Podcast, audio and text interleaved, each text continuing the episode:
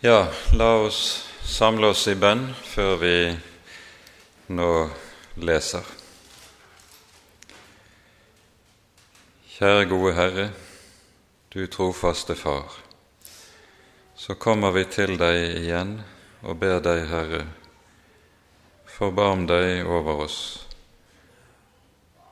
Gi oss mat av ordet ditt, og la Din Hellige Ånd skrive det inn i våre hjerter. Amen.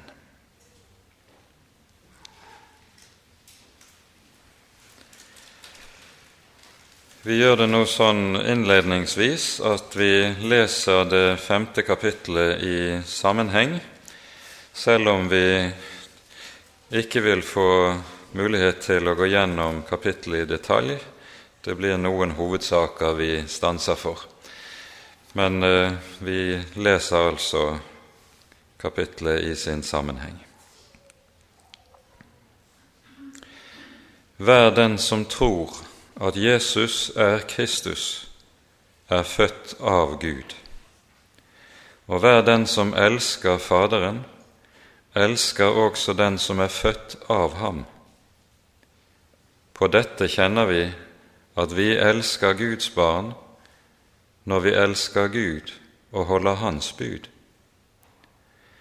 For dette er kjærligheten til Gud, at vi holder fast på Hans bud, og Hans bud er ikke tunge.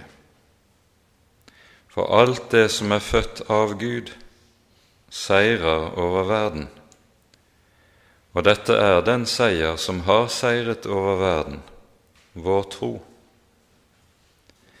Hvem er den som seirer over verden, uten den som tror at Jesus er Guds sønn? Han er den som er kommet med vann og med blod, Jesus Kristus. Ikke bare med vannet, men med vannet og med blodet. Og Ånden er den som vitner, fordi Ånden er sannheten. For de er tre som vitner, Ånden og vannet og blodet, og disse tre samstemmer. Tar vi imot menneskers vitnesbyrd, så er Guds vitnesbyrd større, for dette er Guds vitnesbyrd, at Han har vitnet om sin Sønn. Den som tror på Guds Sønn, har vitnesbyrdet i seg selv. Den som ikke tror Gud, har gjort ham til en løgner, fordi han ikke har trodd det vitnesbyrd Gud har vitnet om sin sønn. Og dette er vitnesbyrdet, at Gud har gitt oss evig liv, og dette liv er i Hans Sønn. Den som har Sønnen, har livet. Den som ikke har Guds sønn, har ikke livet.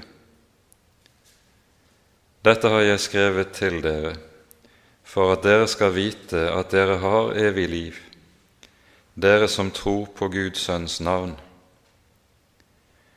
Og dette er den frimodige tillit vi har til ham, at dersom vi ber om noe etter Hans vilje, så hører Han oss. Og dersom vi vet at Han hører oss, hva vi enn ber om, da vet vi at vi har fått våre bønneemner oppfylt hos Ham.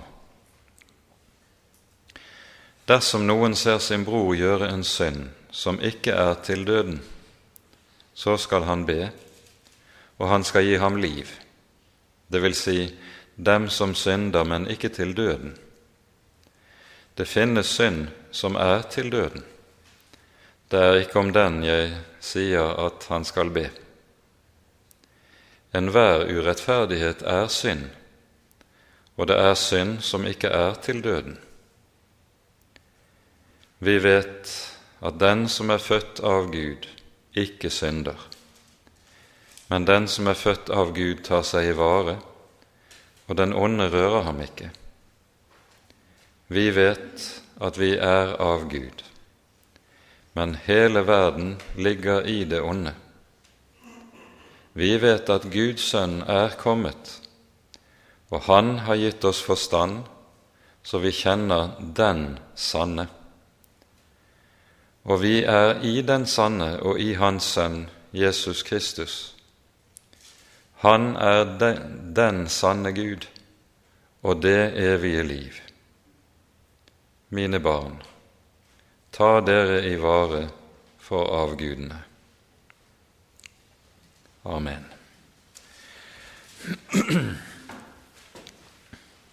Som dere ser, så er dette et, som alle de øvrige kapitlene i Johannesbrevet, et særdeles innholdsmettet kapittel. Og vi skal prøve å se altså på noen hovedsaker.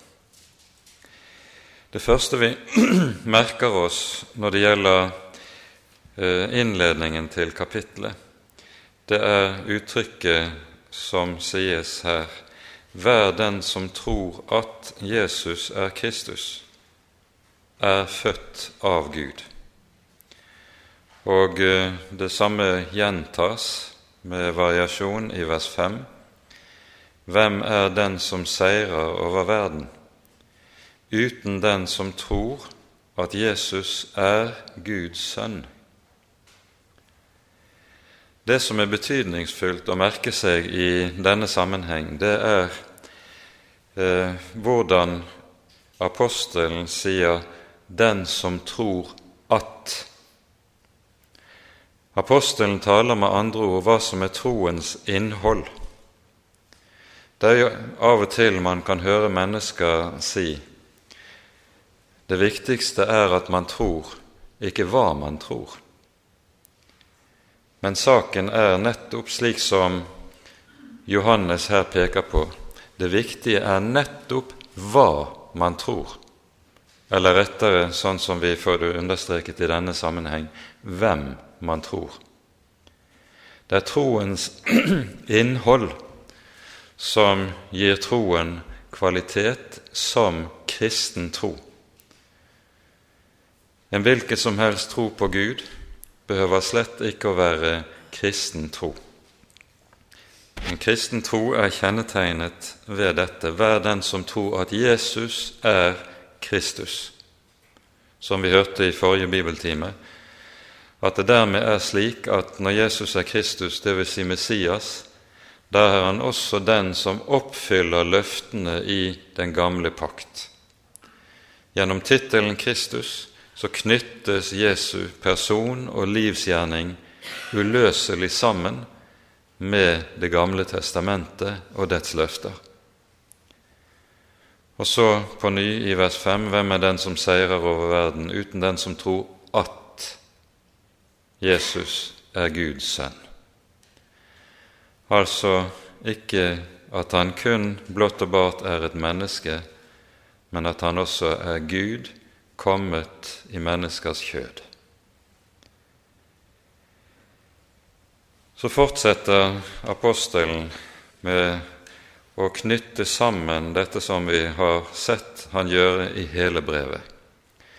Knytte sammen forholdet til Gud, Herren, til Faderen, med forholdet til de troende.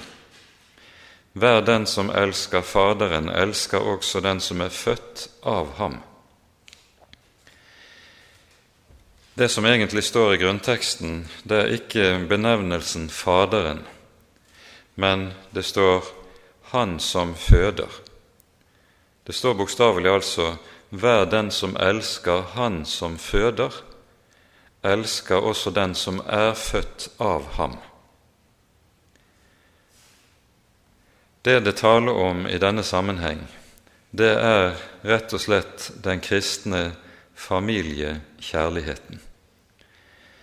De troende, den Guds menighet, ses på som Guds familie. De som er født av den samme far, de er søsken i troen. Og så gis det altså en særlig kristen familiekjærlighet.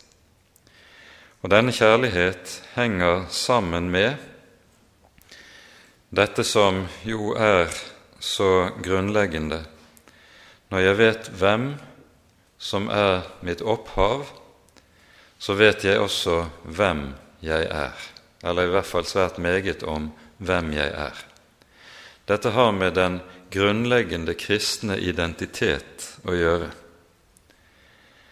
De senere år så har det jo vært på fjernsyn flere programserier som tar opp nettopp denne problematikken. Tore på sporet. Mennesker som er kommet bort fra sitt opphav og ikke vet lenger hvem disse er, og derfor også kommer i total villrede om hvem er egentlig jeg selv? Eller et annet slektsforskningsprogram som nå har startet, som bærer tittelen 'Hvem tror du at du er?' Og Svaret på spørsmålet ligger i å finne ut sine røtter og sitt opphav. Så er det plukket da ut personer som man følger i det at det graves tilbake etter å finne opphavet. Dette gjelder i ordets mest egentligste forstand når vi har med troen å gjøre. Vær den som elsker Han som føder, elsker også de som er født av ham. Det å være født av Faderen, det er å vite både hvem jeg er, det har med den grunnleggende identitet å gjøre, og hvor jeg hører til i Guds familie. Det er de troendes samfunn som er mitt egentlige og grunnleggende fellesskap. Og Dette er en side ved Bibelens tale om hva det er å være en kristen, som er ganske så avgjørende. Det som har fulgt i kjølvannet på sekulariseringen, det er jo at man har tenkt, kommet med den ideen at tro det er bare en privat oppfatning som et menneske har i sitt hode og kan holde for seg selv. Men slik Bibelen tenker opp om disse ting, så er troen det som er det mest avgjørende med tanke på et menneskes identitet, avgjørende med tanke på min forståelse av hvem jeg selv er. Jeg er født av Faderen ved Kristi blod. Jeg er født av Faderen inn i en familie der jeg har brødre og søstre i troen. Og så vet jeg om mine brødre og søstre i troen, de har samme far som jeg. Og det er dette som altså ligger bakom når apostelen taler som han gjør. I vers 2 og 3 kommer apostelen inn igjen på dette som vi har sett tidligere han berører i brevet, sammenhengen mellom kjærligheten til Gud og det å bevare Herrens bud. Disse to ting hører uløselig sammen.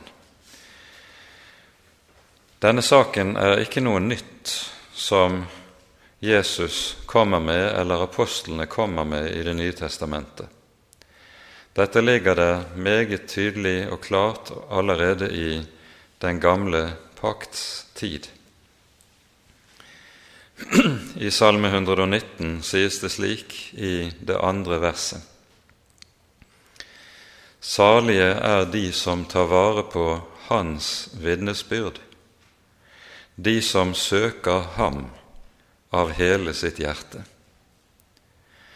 Det som er poenget med slike vers i Salmenes bok, er at vi her står overfor det som kalles for en parallellisme.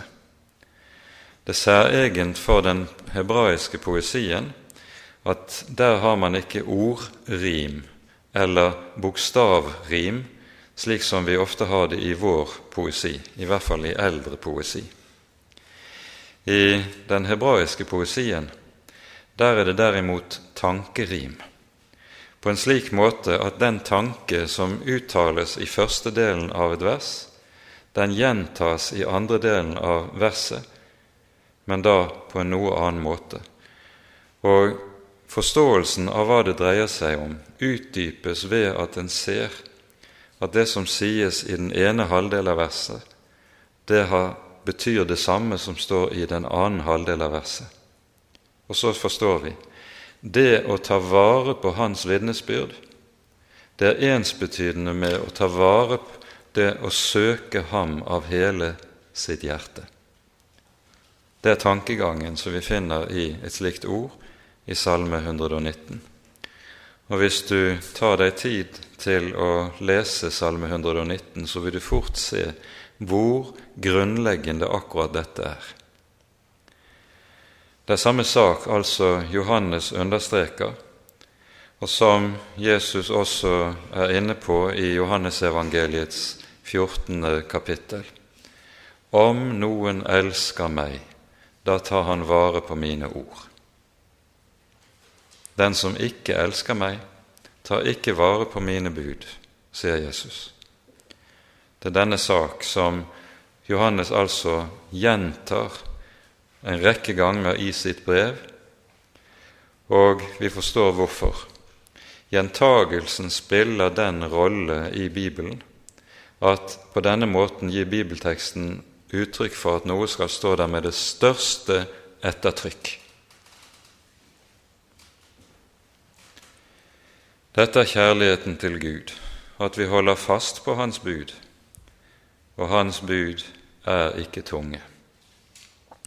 Det som her sies, det minner oss om Jesu ord i Matteusevangeliets ellevte kapittel, der Jesus sier:" Ta mitt åk på dere og lær av meg for mitt åk er gagnlig, min byrde er lett. Det er dette velsignelsesrike åk det er tale om. Og Tankegangen som ligger der i et slikt bibelvers, det er hentet fra jordbruket. Når bonden skulle pløye, så hadde han to par oks, eller, unnskyld, ett par okser to okser som skulle gå sammen. Ofte var det slik hvis det var en ung okse som ikke var lett opp til å pløye, så ble den plassert under samme åk som en eldre eller en voksen okse som hadde lært det. Og så blir den unge okse lært å pløye ved å gå under samme åk som den voksne, den opplærte. Og Det er dette bildet som Jesus her anvender. Du og jeg er sånne unge okser som knapt vet frem eller bak på hva en plog er for noe. Og så sier Jesus, 'Kom under åket med meg'. Så skal vi dra, og så vil du oppleve at mitt åk er ganglig, min byrde er lett. For det sier seg selv at den fullvoksne og den opplærte oksen, det er den som drar tyngden av byrden når det er en ny og en ung okse som skal læres opp. Mitt åk er ganglig, min byrde er lett. Slik har Jesus invitert oss inn under åket med seg. Hans bud er ikke tunge. Og så kommer dette forunderlige som følger i vers 4.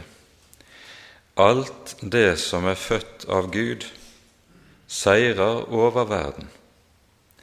Og dette er den seier som har seiret over verden, vår tro. Ja, tenk det. Vår tro. Her sies det ikke at det er vår lydighet som har brakt oss seieren, ei heller noe annet som du og jeg kan yte eller komme med eller har å fare med. Dette er den seier som har seiret over verden, vår tro. Og på ny, vi legger merke til sammenhengen med vers 5. Denne troen er ikke innholdstom.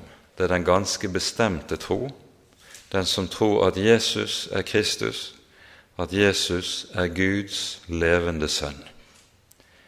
Dette er den seier som seirer over verden. så kunne man spørre seg hvordan ytrer denne seier seg? Den ytrer seg på en ganske bestemt måte, og jeg tror vi skal ta oss tid til å kikke på det, nemlig gjennom ordene i Hebreabrevets 13. kapittel. Det som vi her hører tale om, det er fra vers 10 til eh, vers 13, som, vi, som er sammenhengen her. Det er tale om hvorledes Jesus som oppfyllelse av et av forbildene ved offertjenesten i Det gamle testamentet ble ofret utenfor leiren. Det gjaldt nemlig om syndofrene som ble ofret for hele folkets synder, at de skulle, når offeret var slaktet, så skulle offeret bæres opp utenfor leiren og brennes opp der utenfor. Og Dette er da et forbilde på det at Jesus korsfestes utenfor leiren, altså utenfor Jerusalems bymurer. Og denne korsfestelse utenfor murene er et bilde på nettopp dette at det settes av Gud et skille. Og vi leser fra vers 12 og 13. Derfor led også Jesus utenfor porten for å hellige folket ved sitt eget blod. La oss da gå ut til ham utenfor leiren og bære hans vanære. Og saken er i denne sammenheng det å gå utenfor leiren og bære hans vanære, det er seieren som Johannes taler om. For på denne måten så demonstrerer troen at jeg er ikke avhengig av verdens anerkjennelse, godkjennelse og applaus. La oss da gå ut til ham utenfor leiren og bære hans vanære. Med dette brytes noe av det som er det sterkeste behov og trang i menneskets hjerte, nemlig til å få anerkjennelse, godkjennelse, av andre mennesker. I dette ligger det at en kristen vet med seg selv å høre Herren, I det å høre Herren til ligger der et avgjørende brudd i forhold til kosmos, til verden, slik som Johannes taler om det i sine skrifter. Hvem er den som seirer over verden uten den som tror at Jesus er Guds sønn? Det er denne tro adressatene til hebreerbrevet står i fare for å oppgi. Og det er bakgrunnen for hebreerbrevet. Og så er det dette som også da blir sammenhengen i det vi her leser. Med vers 6 så kommer vi så til et nytt avsnitt som er knyttet sammen med det vi hittil har lest på forunderlig vis. Jesus som Guds sønn, han er den som er kommet med vann og med blod. Jesus Kristus, ikke bare med vannet, men med vannet og med blodet. Og Ånden er den som vitner, fordi Ånden er sannheten. De er tre som vitner, Ånden og vannet og blodet, og disse tre samstemmer. Dette er et av de avsnittene i 1. Johannes brev som har voldt, voldt mang en bibelleser mye vansker. Blant fortolkerne av teksten så er det hovedsakelig to løsningsforsøk som, med tanke på hva det er Johannes sikter til, som har dominert.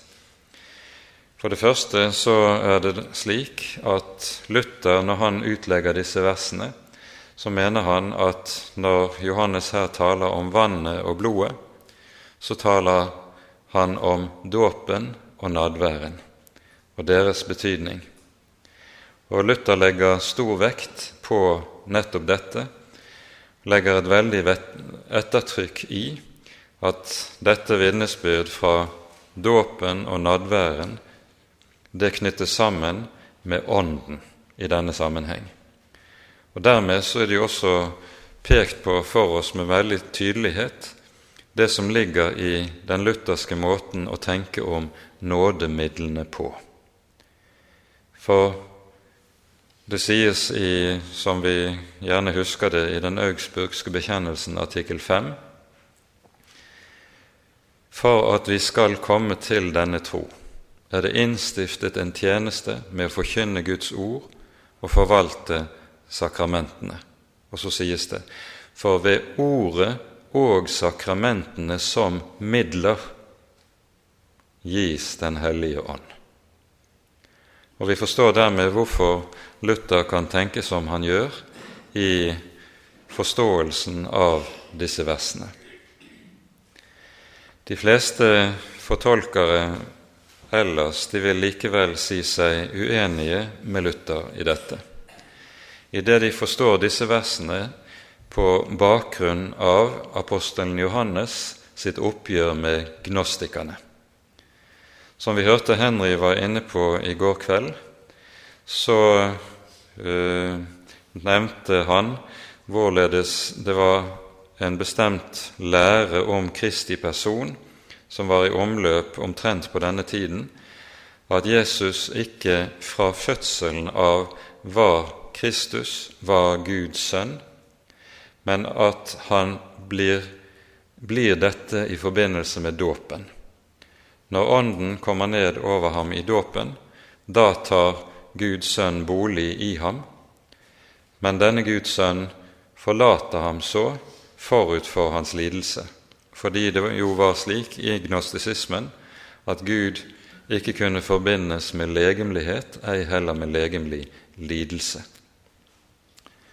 Forstått slik så innebærer det at det som Johannes dermed taler om, det er at når Jesus kommer med vannet og blodet, så sikter det til at han er Guds sønn både i sin dåp og på sitt kors og i sin lidelse. Altså, guddommen forlater ikke personen Jesus forut for hans lidelse, men blir værende i ham også under lidelsen. Dette er den forståelse som de fleste moderne fortolkere har, og vi skjønner bakteppet som ligger der i oppgjøret med gnostisismen. Og at dette siste er vesentlig, det er jo en sak som understrekes f.eks. gjennom et vers som vi finner i Paulus sin tale til de eldste i Efesos, og som vi leser i apostelgjerningene 20. Der, ta, der sier Paulus til disse:" Vokt den Guds menighet som er hos dere som han vant seg med sitt eget blod. Det er altså tale om i denne sammenheng Guds blod. Det sies altså ikke at det blott og bart er Jesu blod eller et menneskes blod, men apostelen bruker uttrykket Guds blod som renner på korset. Dette som apostelen her er inne på, det har antagelig sin særlige bakgrunn i noe han forteller i forbindelse med lidelseshistorien, slik vi leser den i Johannesevangeliet i det 19. kapittel. Her hører vi om hvorledes Jesus etter sin død ikke får brutt bena sånn som røverne som ble korsfestet ved siden av ham. Og så står det følgende, vi leser Johannes 19 fra vers 33. Da de kom til Jesus, så de at han allerede var død, og de brøt ikke hans ben. Men en av soldatene stakk et spyd inn i siden på ham, og straks kom det ut blod og vann. Den som har sett det, har vitnet om det, og hans vitnesbyrd er sant. Han vet at han taler sant, for at også dere skal tro. For dette skjedde for at Skriften skulle bli oppfylt. Ikke ett ben skal brytes på ham. Og igjen sier et annet skriftord de skal se hen til Han som de har gjennomstunget. Vi forstår at det som her skjer, når spydet gjennomstringer Jesus side, og det kommer ut vann og blod, det er noe som av apostelen tillegges en helt særlig betydning, idet det for ham blir en demonstrasjon på hvorledes disse bestemte løfter i Skriften blir oppfylt. Det er mulig at også dette ligger bakom og i bunn i disse versene vi her leser i 1. Johannes 5. Og så er det tre som vitner Ånden og vannet og blodet. Når Ånden trekkes inn i denne sammenheng, henger jo det sammen med det som er det grunnleggende som sies om Den hellige ånds gjerning i Johannesevangeliet. Åndens gjerning og hovedoppgave er å vitne om Sønnen. Når Han kommer, sannhetens ånd, skal Han vitne om meg, sier Jesus i slutten av Johannes 15. Og i 16-14 i Johannesevangeliet sier, sier Jesus om ham han skal herliggjøre meg, for han skal ta av mitt og kunngjøre dere. Dette er Den hellige ånds hovedgjerning. Han åpenbarer, han herliggjør Sønnen. Men det vitnesbyrd som vi her møter, det er et vitnesbyrd som så dras videre. Nå har vi hørt om vitnesbyrdet fra vannet og fra blodet, vitnesbyrdet fra Ånden, og nå føres det inn et tredje vitnesbyrd, vitnesbyrdet fra Faderen. Tar vi imot menneskers vitnesbyrd, så er Guds vitnesbyrd større. For dette er Guds vitnesbyrd, at Han har vitnet om sin Sønn. Det Johannes her taler, det er en kort ekstrakt av det vi leser i Johannesevangeliets femte kapittel fra vers 31 til 39, der Jesus taler om hvorledes Faderen vitner om ham. Og Det som er særegent med det vi her eh, ser, det er at to av personene i den treenige Gud vitner om Guds sønn, den tredje av de tre. Faderen vitner om Sønnen, Ånden vitner om Sønnen, og ved to og tre vitners ord skal enhver sak stå fast, sier Skriften entydig. Tar vi imot menneskers vitnesbyrd, så er Guds vitnesbyrd større.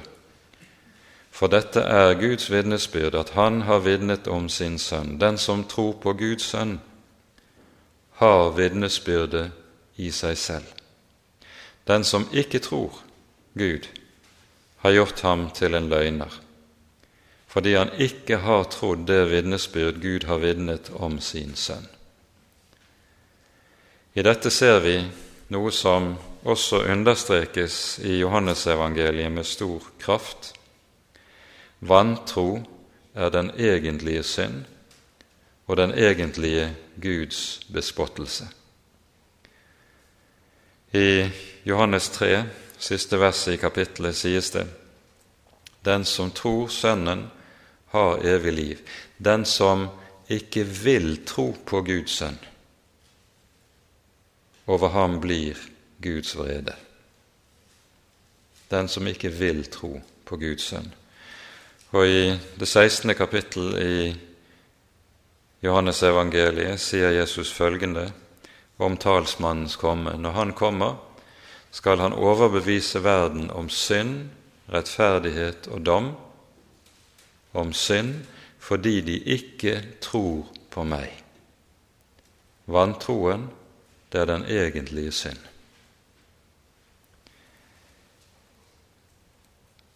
Og dette er vitnesbyrdet, at Gud har gitt oss evig liv.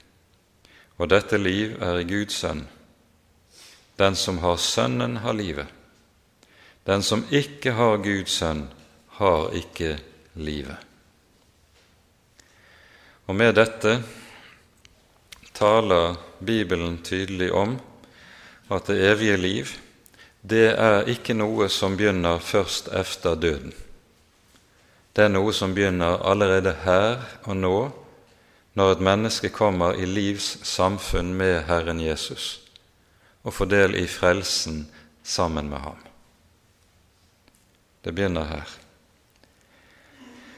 Nå har vi hørt om vitnesbyrdet, dette trefoldige vitnesbyrd.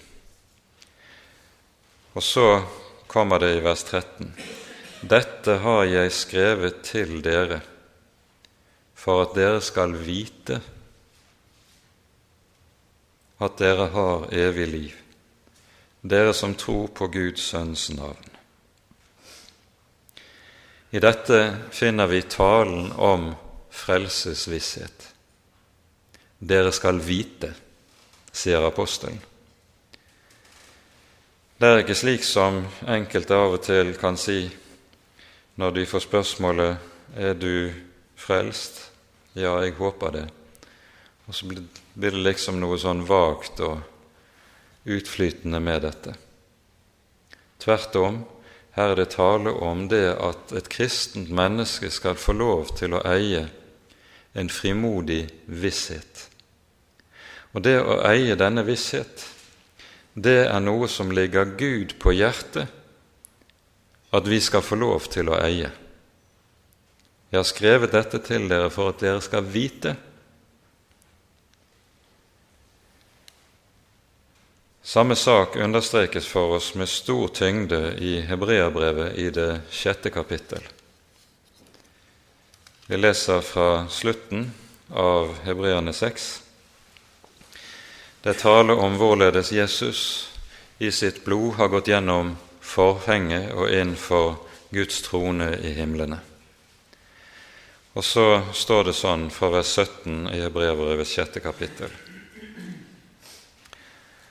Da Gud så ville vise løftets arvinger desto mer klart sin uforanderlige vilje, bekreftet han det med en ed for at vi skulle ha en sterk trøst ved to uforanderlige ting som utelukker at Gud kunne lyve, vi som har tatt vår tilflukt til å gripe det håp som ligger foran oss.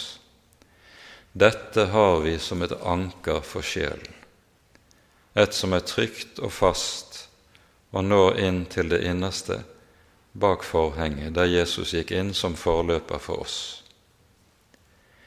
Og Legg merke til det som står her i vers 17.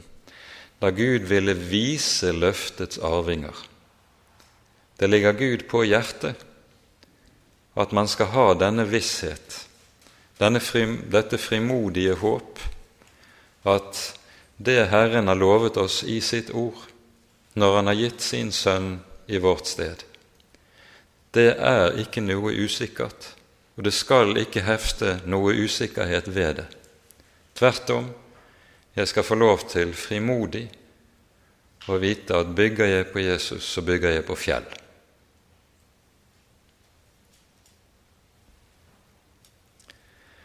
Denne sak som har med frelsesvisshet å gjøre, det er jo selve den sak som egentlig var utgangspunktet eller foranledningen for hele reformasjonen.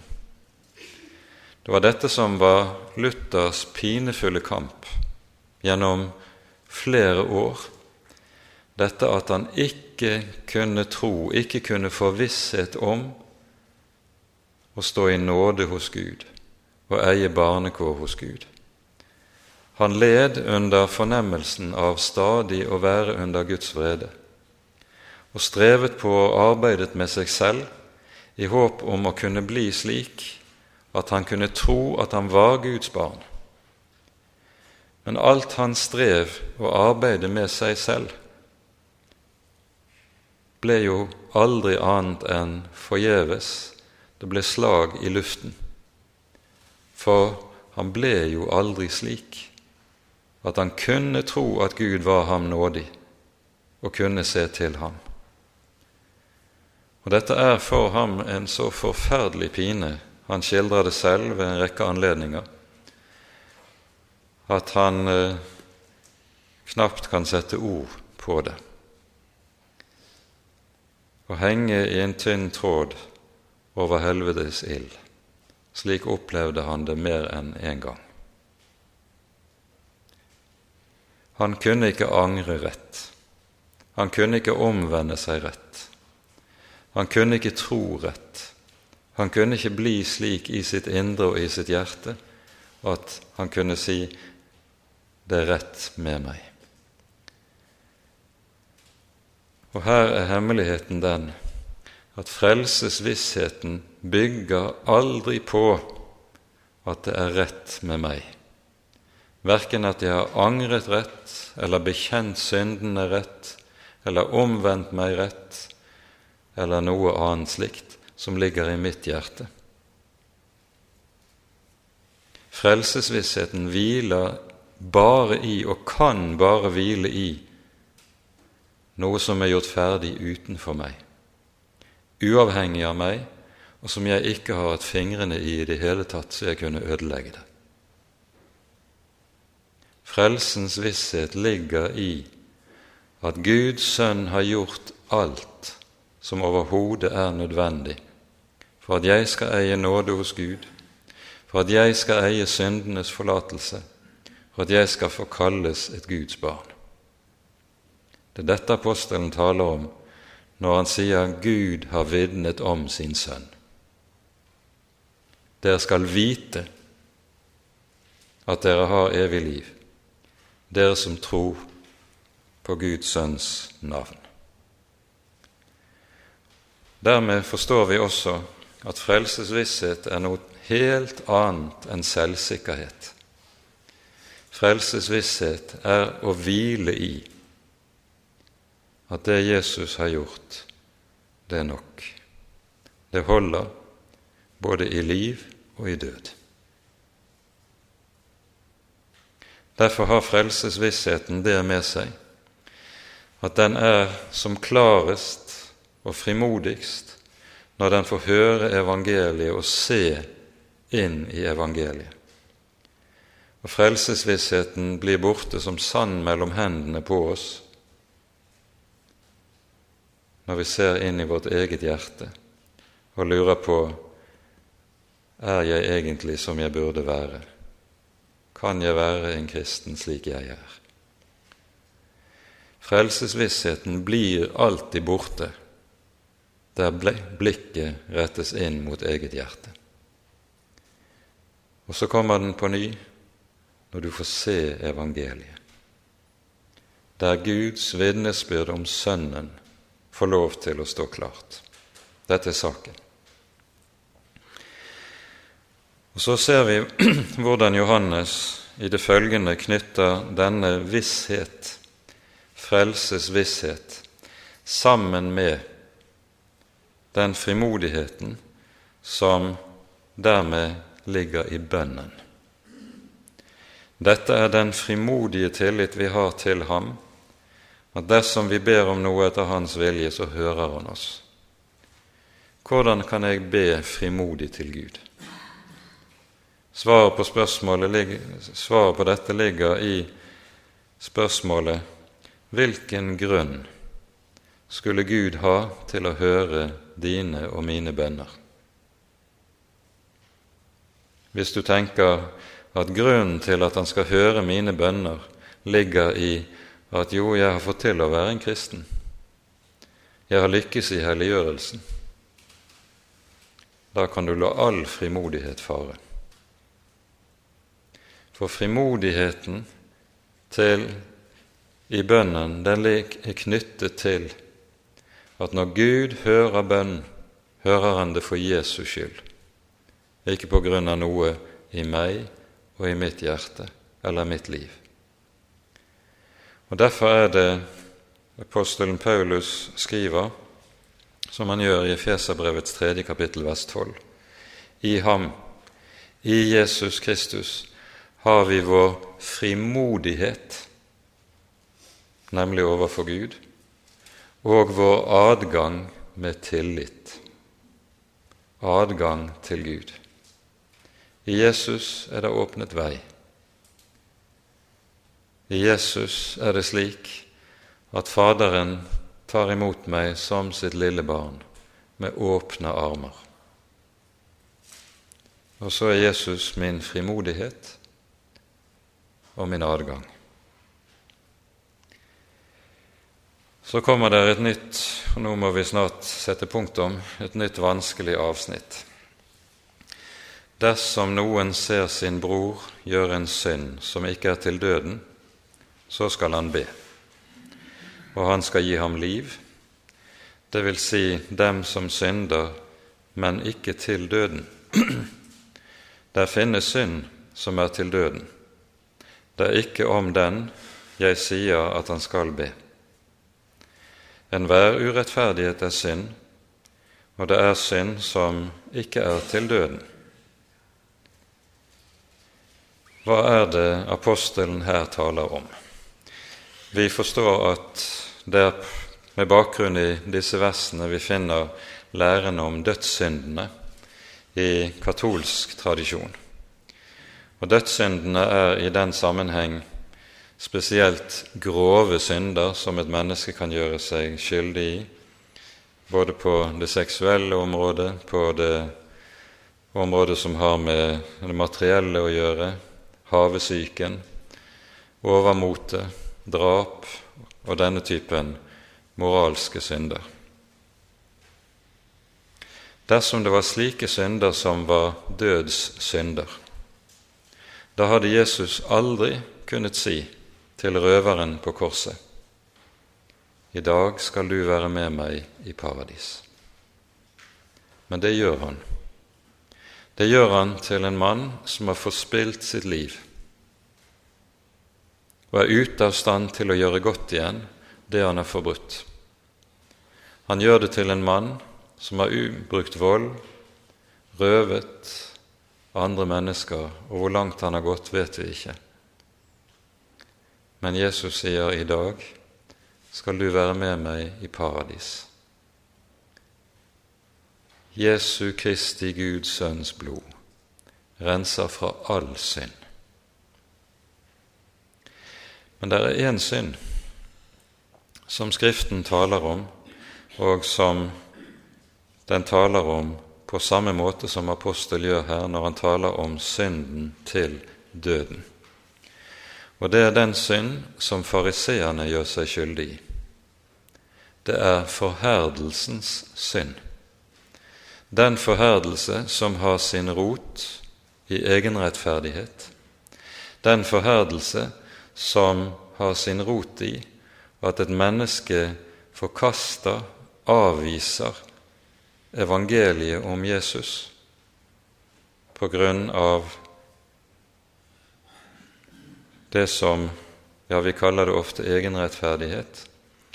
Egenrettferdigheten kommer ut på mange ulike måter, men bakteppet for dette er det som vi i går kalte for den religiøse synd.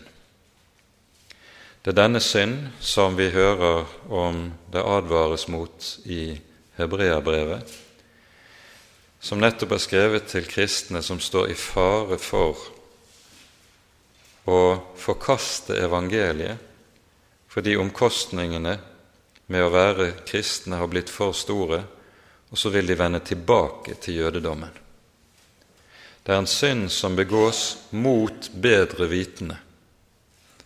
En forkaster Jesus, selv om en vet at Jesus er Frelseren sendt av Gud. En forkaster han enda en vet, altså mot bedre vitende. Det er den religiøse synd. Derfor er det også slik at vi finner en parallell til dette verset som vi her hører om eh, hos profeten Jeremia.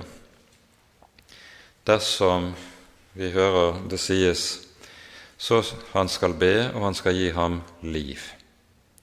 Det taler om å be for sin bror, og vi skal be for hverandre, også med tanke på når vi faller i synd. Det kan være grove og store synder som kristne kan falle i. Men hos Jeremia så ser vi at Herren ved en bestemt anledning forbyr profeten å be for folket. Han forbyr profeten å be for folket. Hvorfor?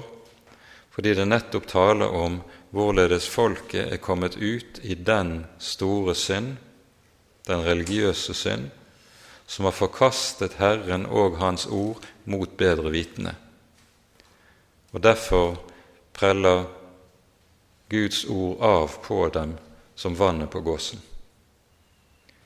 Og så er de kommet under Guds vrede av dette. Det er, den, det er dette som er parallellen i det. Og vi forstår at også når det gjelder dette bibelordet her, er bakteppet kampen mot den gnostiske vranglæren og villfarelsen som går igjen som en rød tråd gjennom brevet, kanskje ofte på en måte som vi ikke helt får øye på det. Og så sies det så i vers 18 igjen, i motsetning til dette. Vi vet at den som er født av Gud, ikke synder.